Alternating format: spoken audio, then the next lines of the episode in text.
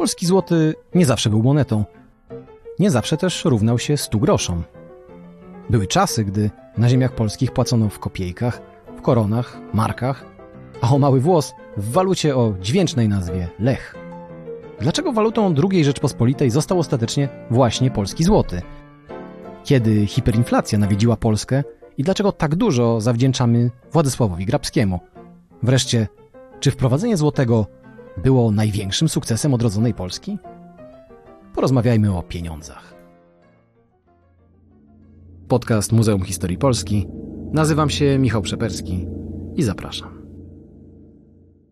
Moim gościem jest dzisiaj profesor Andrzej Zawistowski ze Szkoły Głównej Handlowej oraz z Instytutu Pileckiego. Dzień dobry. Dzień dobry. Polski złoty jako waluta niepodległej Rzeczpospolitej został ustanowiony w roku 1924. Ale żebyśmy zrozumieli, jak do tego doszło, wypada cofnąć się wcześniej. Cofnijmy się może do roku 1914, w przeddzień wybuchu I wojny światowej, żeby rzucić okiem na ziemię polskie, no bo tam nie było złotego polskiego, tylko był rubel oraz marka niemiecka i korona austro-węgierska, prawda?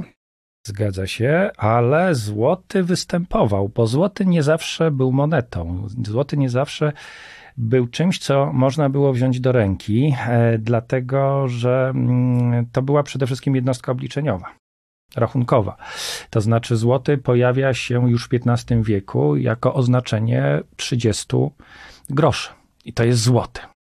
I później on będzie gdzieś się nam e, pojawiał cały czas jako element pieniądza. Za, z czasów e, Zygmunta Augusta pojawia się nam moneta, która ma wartość jednego złotego, czyli dzieli się na 30 groszy. Musimy się przyzwyczaić, że ten podział na stok, do którego jesteśmy wszyscy tak mocno przywiązani, to jest całkiem nowe rozwiązanie.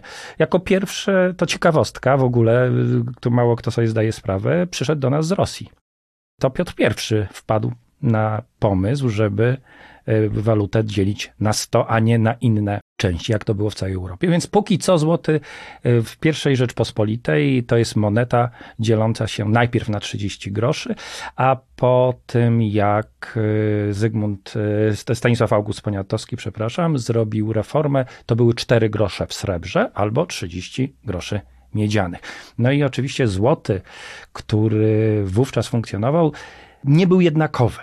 E, bo przecież wszyscy wiemy, że dobry żart. Tymfa wart. Tymp. To jest właśnie jeden złoty. Przy czym taki dosyć e, specyficzny, bo bity w XVII wieku, w latach 60. XVII wieku, tu pewnie Państwo się zdziwicie przez e, Andrzeja Tymfa, stąd jego nazwa, ale był to złoto szukańczy. Po srebra, które do tego, do tego złotego e, bicia używano, było mniej niż powinno być. To była równowartość mniej więcej 16-18 groszy. Zależy oczywiście od, od monety. Natomiast wówczas e, to funkcjonowało jako moneta złotowa, czyli 30 groszy. E, no to była próba oszukania obiegu, no bo brakowało, brakowało kruszców. Bo tutaj, zanim dojdziemy do historii złotego tego z 24 roku, musimy sobie uświadomić kilka rzeczy, w tym bardzo istotną, że do bardzo gruntownej zmiany y, sposobu emisji pieniądza dochodzi w XIX wieku, kiedy Polski na mapie nie ma. My w naszej polskiej historii mamy kilka takich wydarzeń, które pechowo spotkały nas w czasie braku niepodległości. Taka pierwsza z brzegu, e, uwłaszczenie chłopów. No to, czym się dzisiaj przecież yy, spieramy, znaczy, z, z, przepraszam, nie spieramy oczywiście, spierać się też spieramy, bo chłopomania znowu wybuchła, natomiast, yy, natomiast to, czym dzisiaj, to, co dzisiaj widzimy i z czym się borykamy, to dalej jest yy, konsekwencja owego XIX wieku i tak samo jest z pieniądzem. Mianowicie te złote, które mieliśmy w czasie I Rzeczpospolitej, tak jak powiedziałem, to był pieniądz kruszcowy. Bo ja tu mam przed sobą grosz, dzisiejszy grosz, nawet, nawet z roku 2022, chciałem powiedzieć z bieżącego, no ale to już jesteśmy w 2023. Teraz moglibyśmy zastanowić, skąd my wiemy, że ten grosz jest warty grosz. No skąd my wiemy? No wiemy stąd, że ktoś nam tutaj napisał, że to jest grosz, a państwo gwarantuje, że pójdziemy sobie do sklepu i ten grosz jest warty tyle. A skąd my wiemy, ile ten grosz ma się do jednego centa? Eurocenta, centa amerykańskiego. No bo są notowania giełd, gdzie widać ile, jaki e, waluta w stosunku do drugiej kosztuje. Mhm. No i przenosimy się do XIX wieku. Tu młodszych naszych słuchaczy trochę wstrząsę. Nie ma internetu i my nie wiemy, co się dzieje na giełdzie w Nowym Jorku. Mhm. Nie ma giełdy w Nowym Jorku jeszcze przecież, zanim jeszcze Stanów Zjednoczonych nie ma, prawda? No skąd wiadomo, ile pieniądz jest warty? No pieniądz był pieniądzem kruszcowym, czyli moneta zawierała w sobie odpowiednią ilość srebra, złota, zależy jaka to była moneta. Jak była bieda, mogła to być miedź. Tak też się zdarzało. Więc nawet jak zostawaliśmy z takim pieniądzem w ręku, a państwo nie istniało, to nic nie traciliśmy, bo mieliśmy kruszec w tym pieniądzu. To ważne, żeby zrozumieć, że takim pieniądzem mogliśmy się posługiwać wszędzie. Nie było znaczenia, że tenże srebrny talar czy złoty dukat jest bity w Polsce czy w innym kraju, bo on jest złoty, bo on jest srebry. Pieniądz był bity po to, żeby finansować budżet, też ze względów y, propagandowych, no bo przecież tam był władca, który pokazywał, że jest królem. Tutaj mówiliśmy przed chwilą o, o, Austrii, o Austrii, później Austro-Węgrzech. Od 1780 roku y, w Austrii, później w Austro-Węgrach bito y, srebrne talary Marii Teres. I one były bite niezależnie jaka była, jaka, jaka była waluta w Austrii, a płacono nimi na przykład w Etiopii. Do 1936 roku austriackie srebrne monety były oficjalnym środkiem płatniczym w Etiopii, aż do momentu, kiedy Etiopia została najechana przez, przez e, Włoch. Tak, mhm. oczywiście. E, więc to jest ten pieniądz, który, który mamy do końca Rzeczpospolitej i tak trochę symbolicznie. Tak trochę symbolicznie, bo gdy mamy insurekcję kościuszkowską, pojawia się po raz pierwszy pieniądz papierowy. Polski pieniądz papierowy E, który zostaje właśnie wówczas wypuszczony. Dlaczego? Nie mamy kruszcu. Trzeba się jakoś ratować. Więc obiecujemy, że my kiedyś za ten pieniądz, ten pieniądz wykupimy, ale na razie on jest gwarantowany przez nas jako państwo. Nie byliśmy nikim nowym. Francja to samo robiła, inne kraje, które były w takiej zawierusze e, historii, robiły, robiły, robiły to samo. I Teraz dochodzimy do tego XIX wieku, przepraszam za ten pewnie przedługi już wstęp, ale co się stało w XIX wieku? Zaczyna nam się masowo pojawiać pieniądz papierowy. Czy pieniądz papierowy nie jest, jest pieniądzem kruszcowym, czy nie? Oczywiście, że jest. Oczywiście, że jest. Przy czym jest to kwit na złoto, które każdy z nas ma gdzieś w banku zdeponowane. I to jest istotne, że to nie jest tak jak dzisiaj, że my możemy za pieniądz kupić złoto. Jednego dnia ono kosztuje tyle, drugiego tyle i tak dalej, ale my mamy dokładnie zapisane, że ten banknot to jest tyle i tyle gram złota. Oczywiście nie dostaniemy ich w gramach, tylko najczęściej w złotych monetach, jak mamy odpowiednią ilość banknotów. Było pytanie o ten złoty, gdzie on się, gdzie on się pojawił, kiedy się pojawił, gdzie. I znowu nam się pojawia złoty. Po pierwsze, złoty pojawia nam się w instytucji, która się nazywa Bank Polski. Mieszkańcy Warszawy znają plac bankowy, a obok był oczywiście Bank Polski, bo stąd owa nazwa Plac Bankowy. Zresztą też nieprzypadkowo e, postać Juliusza Słowackiego przed tym bankiem, bo on tam mhm, pracował. To zrzutujmy to jeszcze na chronologię. To są lata 20. E, to są lata 20 XIX wieku, bo mamy Królestwo Polskie, ja czasami twierdzę, co wywołuje dyskusję, ale dla mnie Królestwo Polskie 815-830 to jest taki PRL trochę, XIX-wieczny. Widzę, widzę reakcję, ale przecież wojska z orłami na czapkach, e, język polski w administracji, Sejm i tak dalej, i tak dalej. No i wreszcie Bank Polski. Bank Polski, który emituje monety, wreszcie zaczyna emitować pieniądz papierowy. Najpierw to są tak zwane bony kasowe, czyli to są takie, to jest taki pieniądz papierowy, którego nie ma obowiązku przyjmować. Zwróćcie Państwo uwagę, czasami jak macie stare mm, e, banknoty, to na nich jest taki napis, że obowiązkiem jest ich przyjmowanie pod karą więzienia, czy tam pod karą administracyjną, bo występował taki pieniądz papierowy, który nie był obowiązkowy do przyjmowania.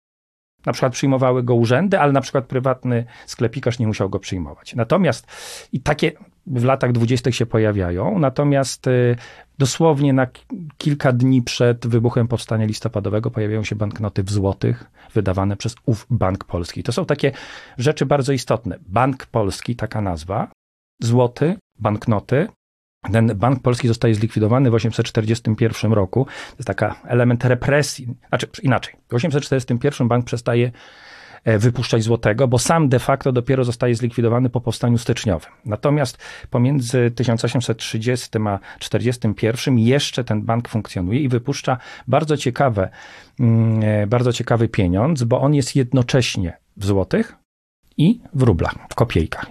Jest taka moneta, jest jeden złoty, obok napisane po rosyjsku 15 kopiejek. To jest dalej złoty.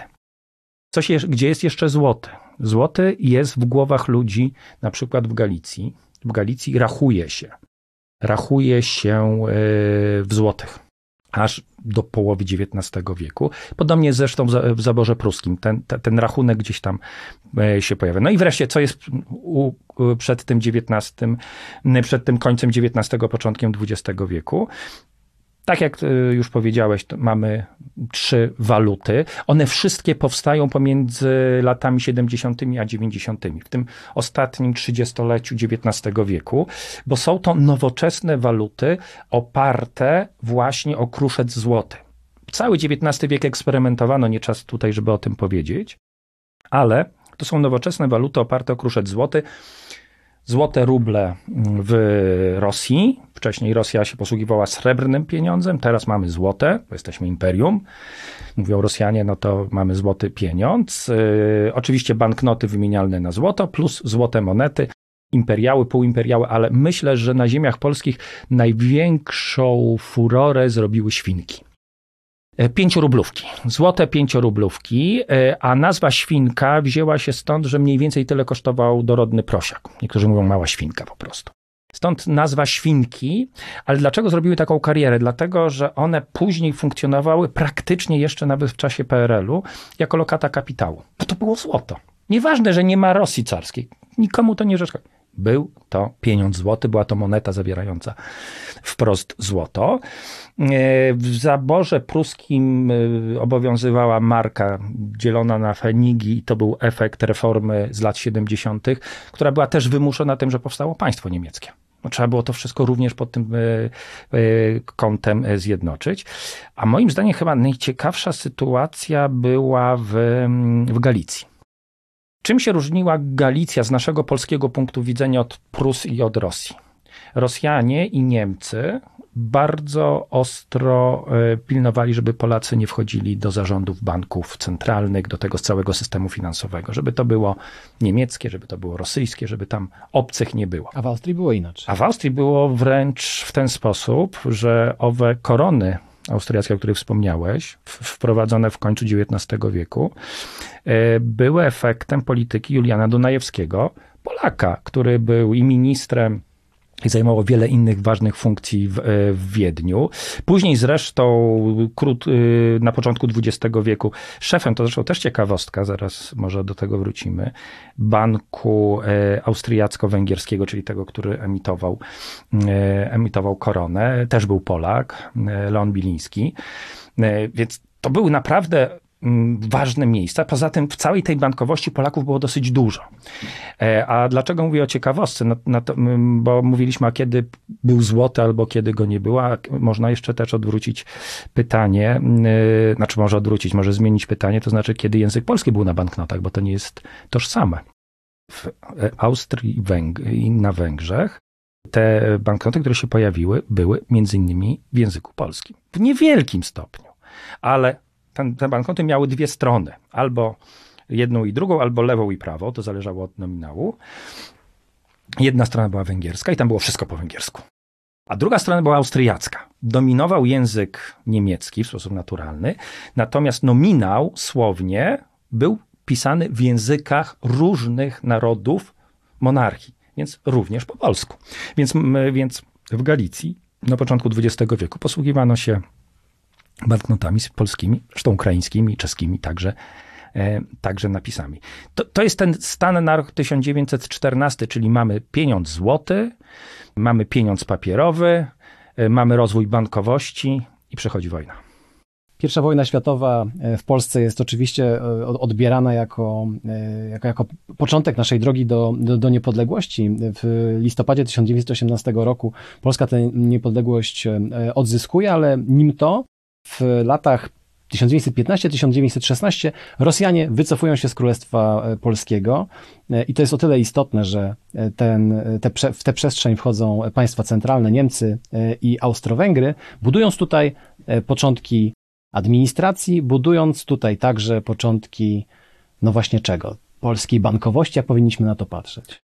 Pytanie, czy polskiej? A to spójrzmy jeszcze trochę z, z dłuższej perspektywy. Gdy wybucha wojna, jakakolwiek wojna, to pierwszą ofiarą wojny, my wiemy wszyscy, jest prawda. To jest pierwsza ofiara wojny, ale drugą jest pieniądz. Mhm. Zwłaszcza pieniądz y, wówczas, który jest pieniądzem kruszcowym, bo jeżeli ludzie mają banknoty, to na wszelki wypadek szybciutko idziemy do banku. Moneta złota jest bezpieczniejsza, bo tym banknotem już za granicą możemy nie zapłacić. Złotem, srebrem, zawsze, zawsze coś z niego będziemy mieli.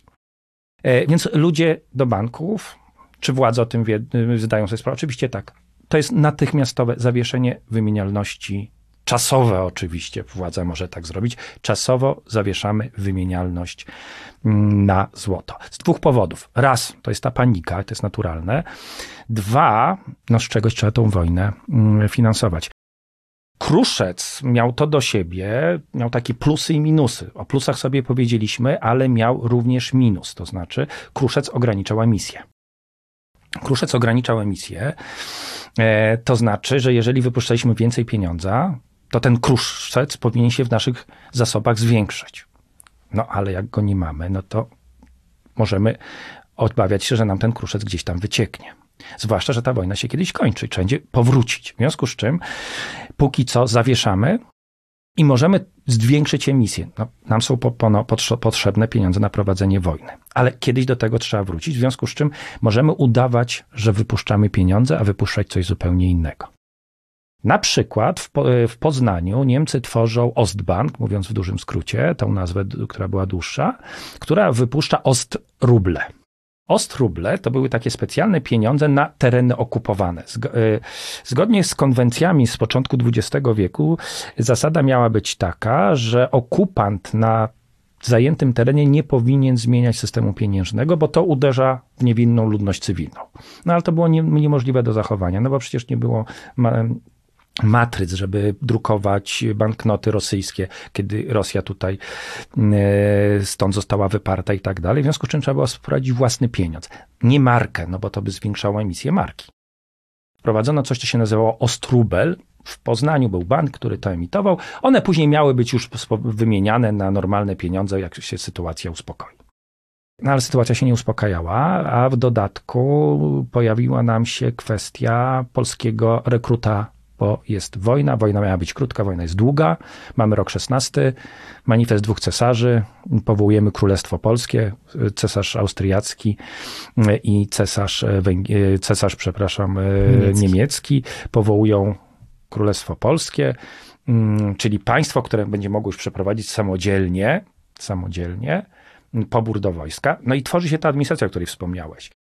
Częścią tej administracji zostaje Polska Krajowa Kasa Pożyczkowa. Po pierwsze Polska. Po drugie zaczyna drukować banknoty, które się nazywają Marka Polska. Marka, bo jesteśmy w obrębie niemieckim. Polska, bo Polska. Marki polskie były e, zrównane jeden do jednego z marką niemiecką i tam była obietnica, że po wojnie marki polskie zostaną wymienione jeden do jednego na marki niemieckie. Ale póki co te marki polskie mają funkcjonować w obrębie, e, w obrębie okupacji e, dawnych ziem rosyjskich, czyli czegoś, co ma stworzyć Królestwo Polskie, ale nie całe. Bo na przykład tam, gdzie była okupacja austriacka, to już z tymi markami było gorzej. Generalnie Warszawa i ten dawny zabór rosyjski. W tym samym czasie Ostbank zostaje przeniesiony do Kowna. Zresztą też ciekawostka, na Ostrublach też były napisy po polsku. Były po polsku, niemiecku, litewsku i łotewsku. Ostbank zostaje przeniesiony do Kowna i tak naprawdę on stanie się później za, y, zaczątkiem y, Centralnego Banku Litewskiego do 22 roku y, na Litwie. Ostruble są zwykłą walutą po prostu. Natomiast w Warszawie mamy Polską Krajową Kasę Pożyczkową. Wbrew nazwie w zarządzie jest tylko jeden Polak. Wszystkiego pilnują Niemcy, no bo to jest ich narzędzie okupacji, ich narzędzie mm, wyzysku gospodarczego ziem okupowanych. No, temu to też miało służyć. I ta Polska Krajowa Kasa Pożyczkowa wypuszcza owe marki polskie. One są bardzo ładne graficznie. Duży, biały orzeł na czerwonym tle. To miało wzbudzić e, zaufanie tych, do których one są skierowane, czyli mieszkańców dawnego zaboru rosyjskiego. Napisy tylko po polsku, więc to pokazywało, że, rzeczywiście jakieś państwo powstało. Bo tutaj jest no, wprost pokazane. Natomiast początkowo Polacy z dawnego zaboru rosyjskiego bardzo Mm, niechętnie przyjmują e, markę polską. Bardzo niechętnie, ona się kojarzy z okupacją, rubel jest bezpieczniejszy.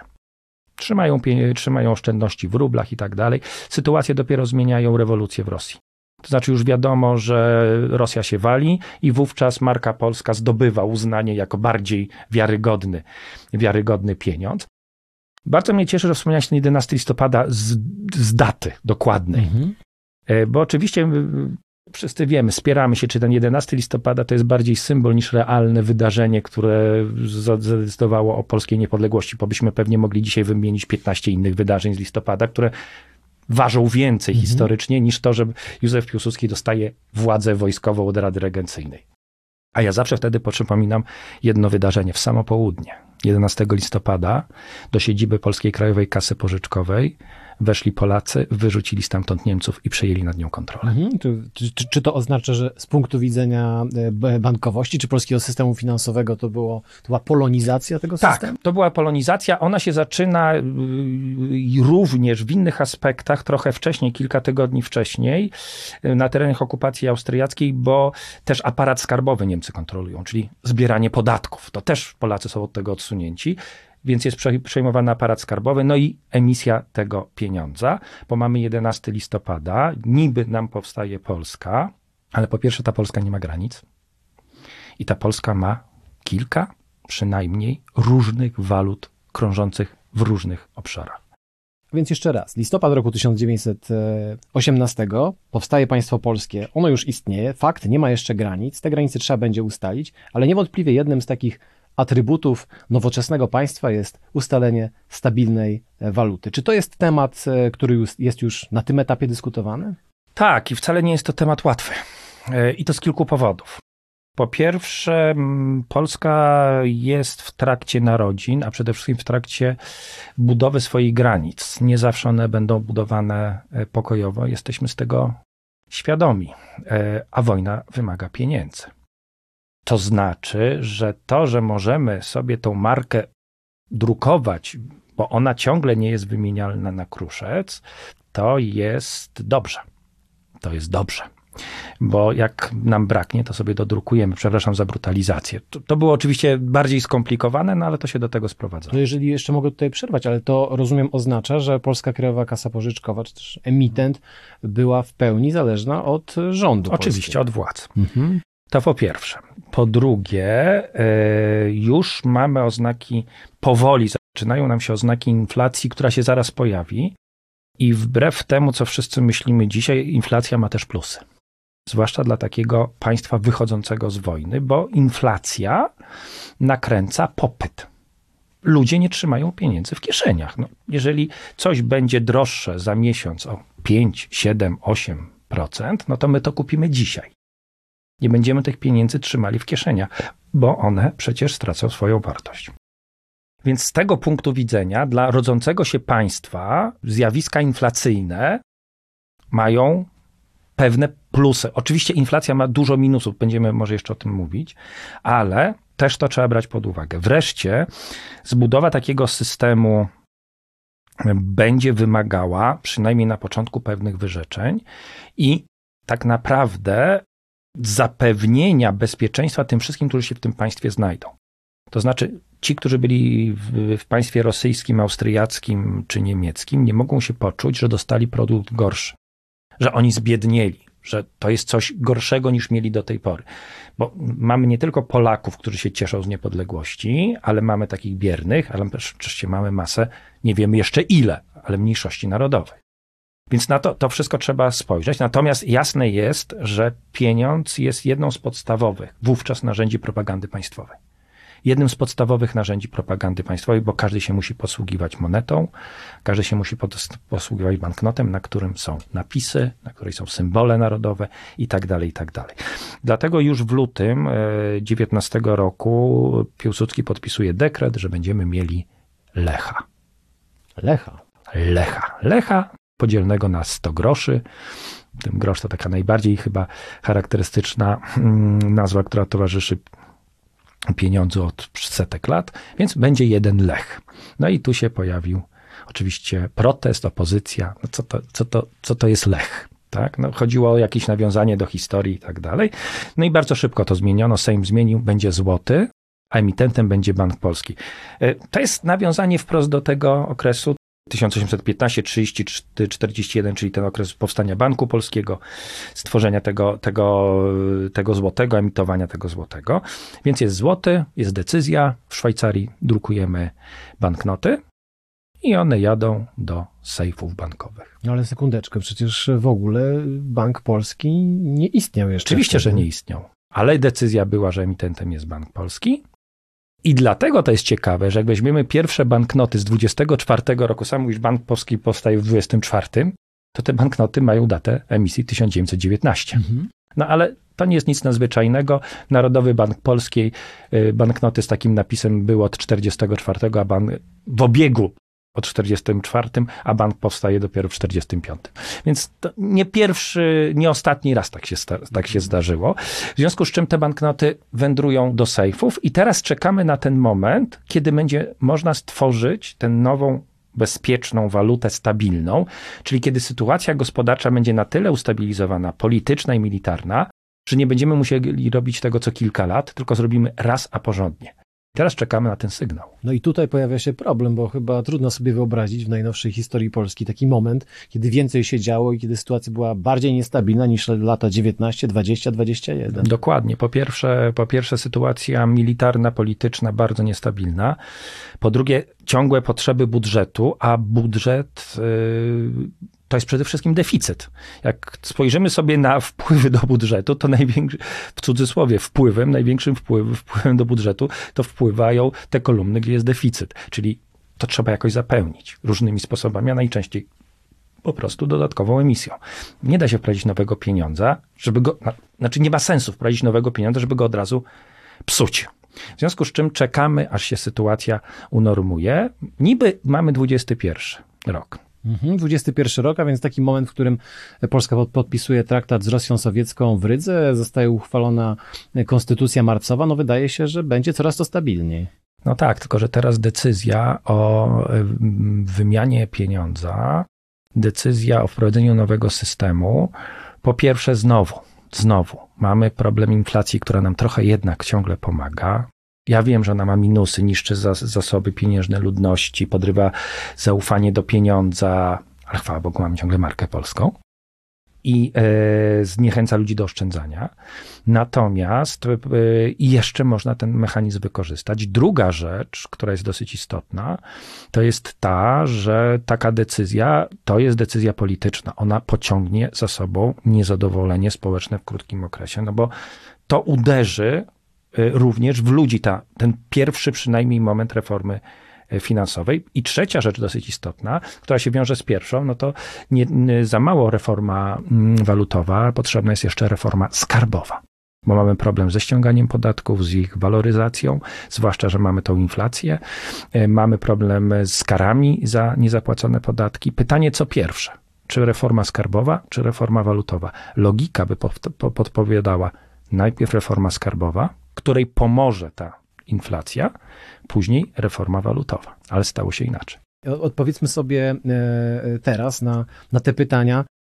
Zważywszy na to, że rok 21 nie, rok 22, no to jest taki moment, w którym e, pierwsze mm, wybory do, mm, na, na terenie całej II Rzeczpospolitej, pierwsze wybory do Sejmu i Senatu. Wydawałoby się, że stabilność, będziemy mieli pierwszego prezydenta po tygodniu, e, po tygodniu od wyboru. Gabriel Narutowicz zostaje zamordowany, o stabilność w kraju ciężko, a sytuacja gospodarcza znowu też pogarsza się coraz to w latach 22-23. Więc jak właściwie potoczyły się losy i dlaczego tyle musieliśmy czekać na złote? Po pierwsze, my nie byliśmy wyjątkiem na mapie Europy. Problem inflacyjny w całej Europie e, istniał. Ale z tymi problemami inflacyjnymi różnie sobie radzono. E, niektórzy prowadzili politykę deflacyjną, czyli ograniczanie pieniądza na rynku, e, i stabilizowanie tego pieniądza, co znaczy stabilizowanie, czyli znowu dopuszczenie do wymiany na kruszec na poziomie przedwojennym. To było bardzo ambitne, ale tak zrobiła Wielka Brytania. No przecież była imperium, wygrała wojnę. Dlaczego ich pieniądz ma być słabszy niż przed wojną? Duża część e, krajów europejskich stabilizowała swoje waluty na poziomie niższym. Ta, ta wymienialność była na niższym poziomie. Natomiast e, państwa centralne, Niemcy, Austria, e, Węgry i tu był wyjątkiem Polska, zostały ofiarami hiperinflacji. Z różnych powodów, nie, może nie będę mówił o państwach centralnych, spójrzmy na Polskę, no to jest oczywiście wojna roku 20. I nagle inflacja stała się hipo, hiperinflacją. I o ile inflacja ma jakieś pozytywne elementy, o tyle hiperinflacja żadnych pozytywnych elementów nie ma, kompletnie nie ma. To znaczy, to jest załamanie rynku. Prosty przykład. Mamy przed sobą szklankę. Mam, jestem sklepikarzem, sprzedaję szklanki. Sprzedaję tą szklankę za 5 zł i ja już nie jestem w stanie za te 5 zł kupić nowej szklanki w hurtowni, żeby wystawić. To jest tak naprawdę ja, nie, moja niesprzedana szklanka jest lokatą kapitału. Mi się nie opłaca handlować. Ja zamykam sklep, czekam. Jeżeli ja zamykam sklep i czekam, to hutnik w hucie szkła tej szklanki nie wyprodukuje i tak dalej, i tak dalej. I to jest rok 23. Owo załamanie, kiedy hiperinflacja dochodzi do 360%, uwaga, miesięcznie, My dzisiaj przejmujemy się, jak to jest rok do roku 16-17, a tam mamy miesięcznie 360%. To są dramatyczne wydarzenia w Krakowie, krwawe wydarzenia w Krakowie, gdzie giną robotnicy od kul żołnierzy, a żołnierze od y, giną z rąk robotników. Nie było takiego wydarzenia w Polsce, żeby doszło do takiej masakra, masakra w Krakowie. Mowa o wydarzeniach z listopada 1923, które też politycznie zaowocowały upadkiem rządu. Właśnie, upada, upada rząd Wincentego Witosa, no i pytanie, kto po nim? I nie ma chętnych. Ta decyzje, które trzeba podjąć, będą bardzo kosztowne politycznie. Innymi słowy, tak duże będą koszty polityczne tego, co trzeba zrobić, tego tak, porządku, ma, który trzeba wprowadzić. Nie ma chętnych, no to jest nareszcie decyzja, robimy rząd pozaparlamentarny, czyli niepolityczny, a rząd fachowców. Na jego czele staje Władysław Grabski, człowiek nie nowy, człowiek w polityce od dawna, kilkukrotny minister skarbu. Wyjaśnijmy, minister skarbu wówczas to jest równoważnik dzisiejszego ministra finansów, bo wówczas tak to się nazywało. E, minister skarbu też premier. W 1920 roku w lipcu. Mhm. To będzie miało duże znaczenie dla tego, jak ta nasza reforma walutowa będzie wyglądała i reforma skarbowa. Człowiek e, 50-letni w momencie, kiedy obejmuje tą funkcję premiera po raz drugi, ale stary wyjadacz polityczny. Natomiast jakbyśmy go dzisiaj nazwali naszym współczesnym językiem politycznym e, państwowiec. To jest człowiek ewidentnie zaangażowany w budowę niepodległego państwa polskiego. Moim zdaniem, tu powiem, e, zupełnie niesłusznie nie wpisany do tego panteonu ojców niepodległości. Dlatego, że on nie miał swoich zwolenników, on nie miał swojej partii, tak jak miał Piłsudski, Dmowski, Daszyński i tak gdzie stała za nim jakaś grupa wyznawców. To był człowiek, który bardzo ciężko pracował, ale o ile Piłsudski stworzył militarnie Polskę, to ja jestem w stanie udowodnić, że Grabski stworzył ją na polu cywilnym, administracyjnym, bo to nie tylko reforma y, skarbowa i walutowa, wiele innych działań, chociażby dzisiaj z perspektywy Ukrainy autokefalia w Polsce prawosławia, no to jest działanie Grabskiego. Nie będziemy tego teraz rozwijać, ale myślę, że warto to podkreślić.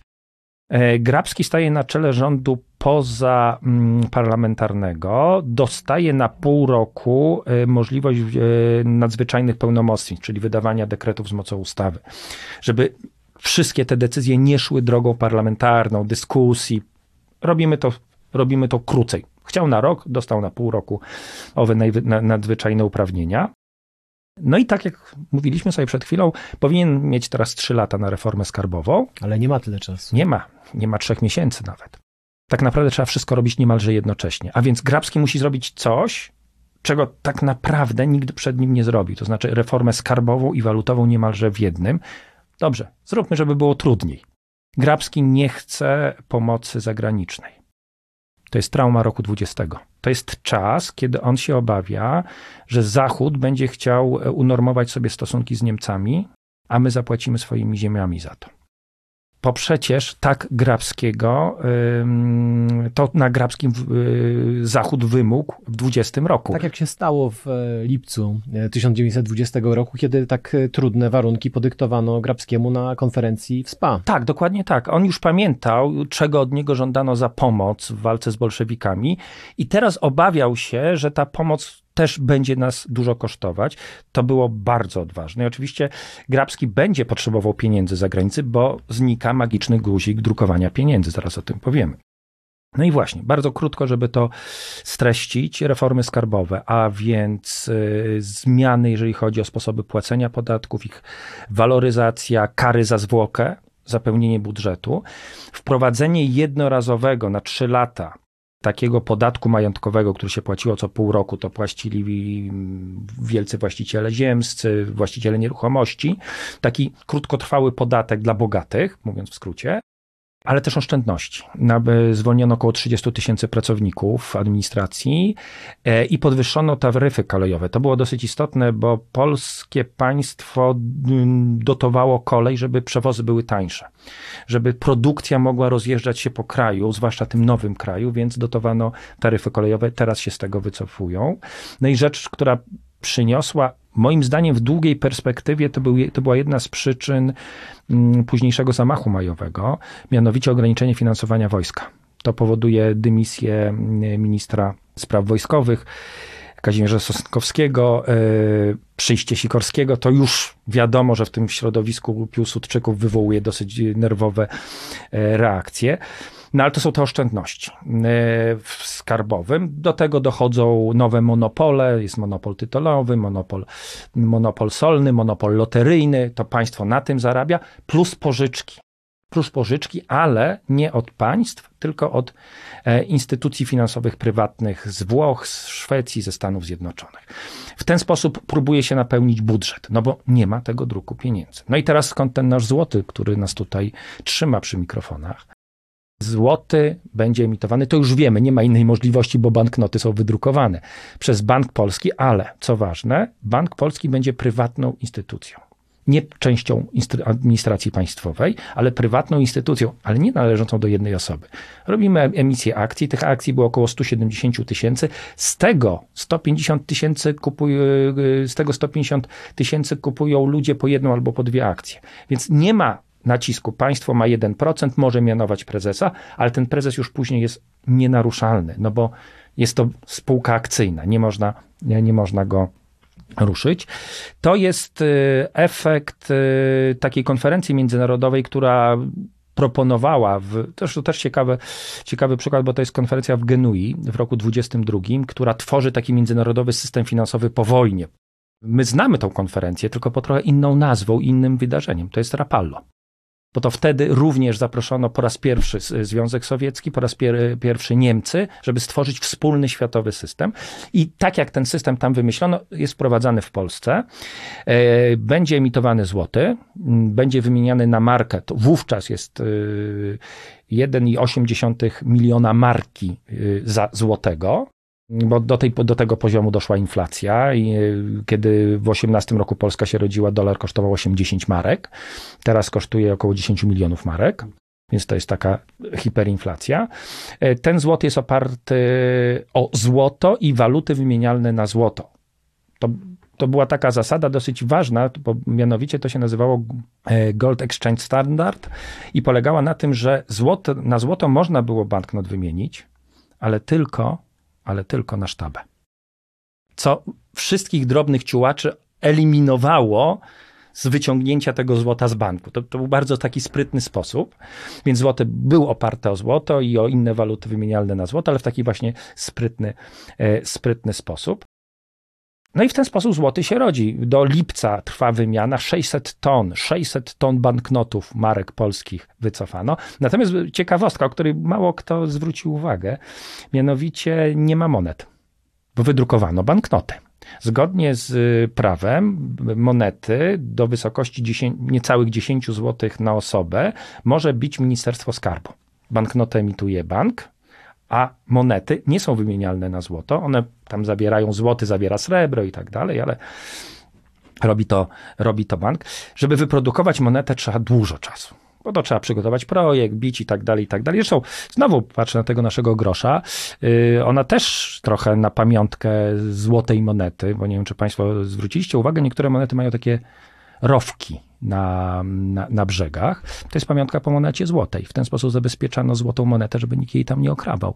I sobie nie, nie, troszeczkę z tej monety nie chciał tego złota wyciągnąć. Więc takie przygotowanie takiej dobrej monety to trochę trwa. Nie było na to czasu. W związku z czym wy, wyemitowano tak zwane bilety zdawkowe. To często były stare, pokrojone y, marki z odpowiednimi nadrukami, które udawały monety. Więc 10 groszy było monetą w papierku, mówiąc, przepraszam, tak e, zupełnie, e, zupełnie kolokwialnie. E, I w ten sposób narodził się złoty w 24 roku, ale to nie były narodziny bezbolesne. Nie były bezbolesne, ale no z tego co mówimy, sytuacja była zupełnie wyjątkowa. Kogo najbardziej zabolało wprowadzenie złotego? Budżet państwa budżet państwa, bo nagle budżet potrzebował pieniędzy, nagle trzeba było również wydawać pieniądze na obronę złotego, bo złoty został dosyć ambitnie postawiony w wartości zbliżonej do franka szwajcarskiego. To były waluty równoważne, e, jeżeli chodzi o stosunek złotej, no i oczywiście do dolara. I to spowodowało, y, ten ambitny plan spowodował duże kłopoty, zwłaszcza w 2024 roku. Zaczęły wzrastać wydatki budżetowe i Grabski nie miał pieniędzy na obronę, na obronę złotego, na obronę pozycji złotego. Złoty, złoty zaczął słabnąć. Mhm. I czy, czy to był taki problem? Nie można było waluty zdewaluować? E, no właśnie, właśnie pytanie, ale zaraz, przecież my mieliśmy przed chwilą markę polską, która się okazała słabą walutą, w ogóle ludzie jej nie chcieli, wyrzucali. Powiedzieliśmy, że macie dobrego złotego, no i co? I zaraz po roku ten złoty już jest słabszy? To miało być coś super, tak? Więc Grabski próbuje bronić, do tego dochodzi wielki kryzys bankowy, różne afery finansowe. Sytuacja jest bardzo trudna. Grunt, że on próbuje prosić o pomoc swoje dziecko, Bank Polski macie zasoby dewizowe, pomóżcie ratować pozycję złotego na giełdach. A tutaj problem, bo Bank Polski jest instytucją niezależną. To prowadzi do dymisji Grabskiego, rząd Grabskiego upada. E, my dzisiaj mówimy o Grabskim jako jednym z najważniejszych polityków gospodarczych całej historii Polski. Czterech, pięciu jest takich, tej, tej, tej, rangi w całej historii Polski co Grabski. Natomiast Grabski odchodził z takim poczuciem i w takiej aurze e, poniesionej klęski że jemu się nie udało. Jemu się nie udało. E, po pierwsze, to nie była e, prawda, bo po pierwsze Bank Polski zadziałał dokładnie tak, jak go wymyślono. dokładnie tak, jak został, był niezależnym bankiem. Po drugie, jego następca Jerzy Zdziechowski, a później następni doprowadzają do rzeczywiście dewaluacji. Już e, złoty nie jest warty 5 z kawałkiem do dolara, tylko prawie 9 do dolara. Następuje dewaluacja, ale za to e, jest zwiększenie zasobu walut i kruszców, które są podstawą emisji, złoty staje się bardzo stabilną walutą i rzeczywiście do wojny jest to jedna z najbardziej stabilnych walut w Europie. Co więcej, umacnia się w latach 30., bo dolar zostaje zdewaluowany w stosunku do złota. I już od 33 to jest mniej więcej 5 zł 30 groszy za dolara. I to jest mniej więcej stała waluta. W niektórych krajach europejskich złoty jest wręcz przyjmowany E, jako podstawa różnych transakcji stosunek złotego, bo jest stałą walutą. Czy to jest dla gospodarki dobrze czy źle, to moglibyśmy dyskutować, mamy wielki kryzys, ale myślę, że to jest rozmowa na zupełnie inny, inną porę. To jest pewnie rozmowa na zupełnie inną porę, ale y, próbując y, podsumować to wszystko, co zostało powiedziane, bo mamy tutaj bogactwo rozmaitych faktów, to może skupmy się na, jeszcze na chwilę y, w tym ostatnim pytaniu na Władysławie Grabskim. Mówisz, że jesienią 1925 roku, kiedy upadł jego rząd, on właściwie odchodził no powiedzmy, że w niesławie, powiedzmy, że z poczuciem, z poczuciem porażki, ale gdyby spróbować odpowiedzieć na, na, na pytanie, jak właściwie w latach 24-39 e, ten, ten, ten złoty polski się przysłużył e, drugiej RP w najszerszym tego słowa znaczeniu, począwszy od aspektów ekonomicznych, aż, a skończywszy na, na propagandowych, czy możemy powiedzieć, że to był sukces, jeden z sukcesów drugiej RP?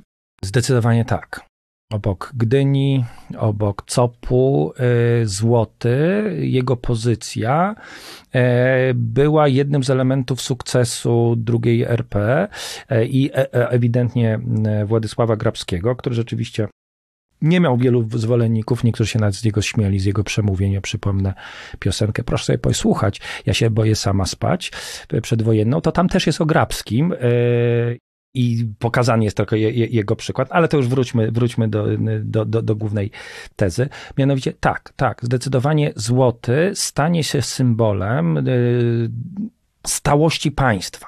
Jak gdyby państwo samo z siebie coś stworzyło i zagwarantowało społeczeństwu pewne bezpieczeństwo. Proszę pamiętać, że to jest społeczeństwo dotknięte pierwszą wojną, inflacją, hiperinflacją i nagle od tego 24-25 roku wiele rzeczy się zmienia, wiele rzeczy jest niestałych, wiele rzeczy się załamuje, ale po tej drugiej stabilizacji złotego złoty nie jest zagrożeniem dla oszczędności obywateli, jest problemem, żeby go zdobyć. Ale jeżeli się już go zdobędzie, to już się na nim nie traci. Bardzo dziękuję. Moim gościem e, w podcaście Muzeum Historii Polski był dzisiaj profesor Andrzej Zawistowski ze Szkoły Głównej Handlowej i Instytutu Pileckiego. Dziękuję bardzo. Bardzo dziękuję. Podcastów Muzeum Historii Polski wysłuchasz na YouTube, Spotify, Google Podcast, w Audiotece, a także na innych platformach podcastowych. Chcesz być na bieżąco? Subskrybuj kanał Muzeum Historii Polski.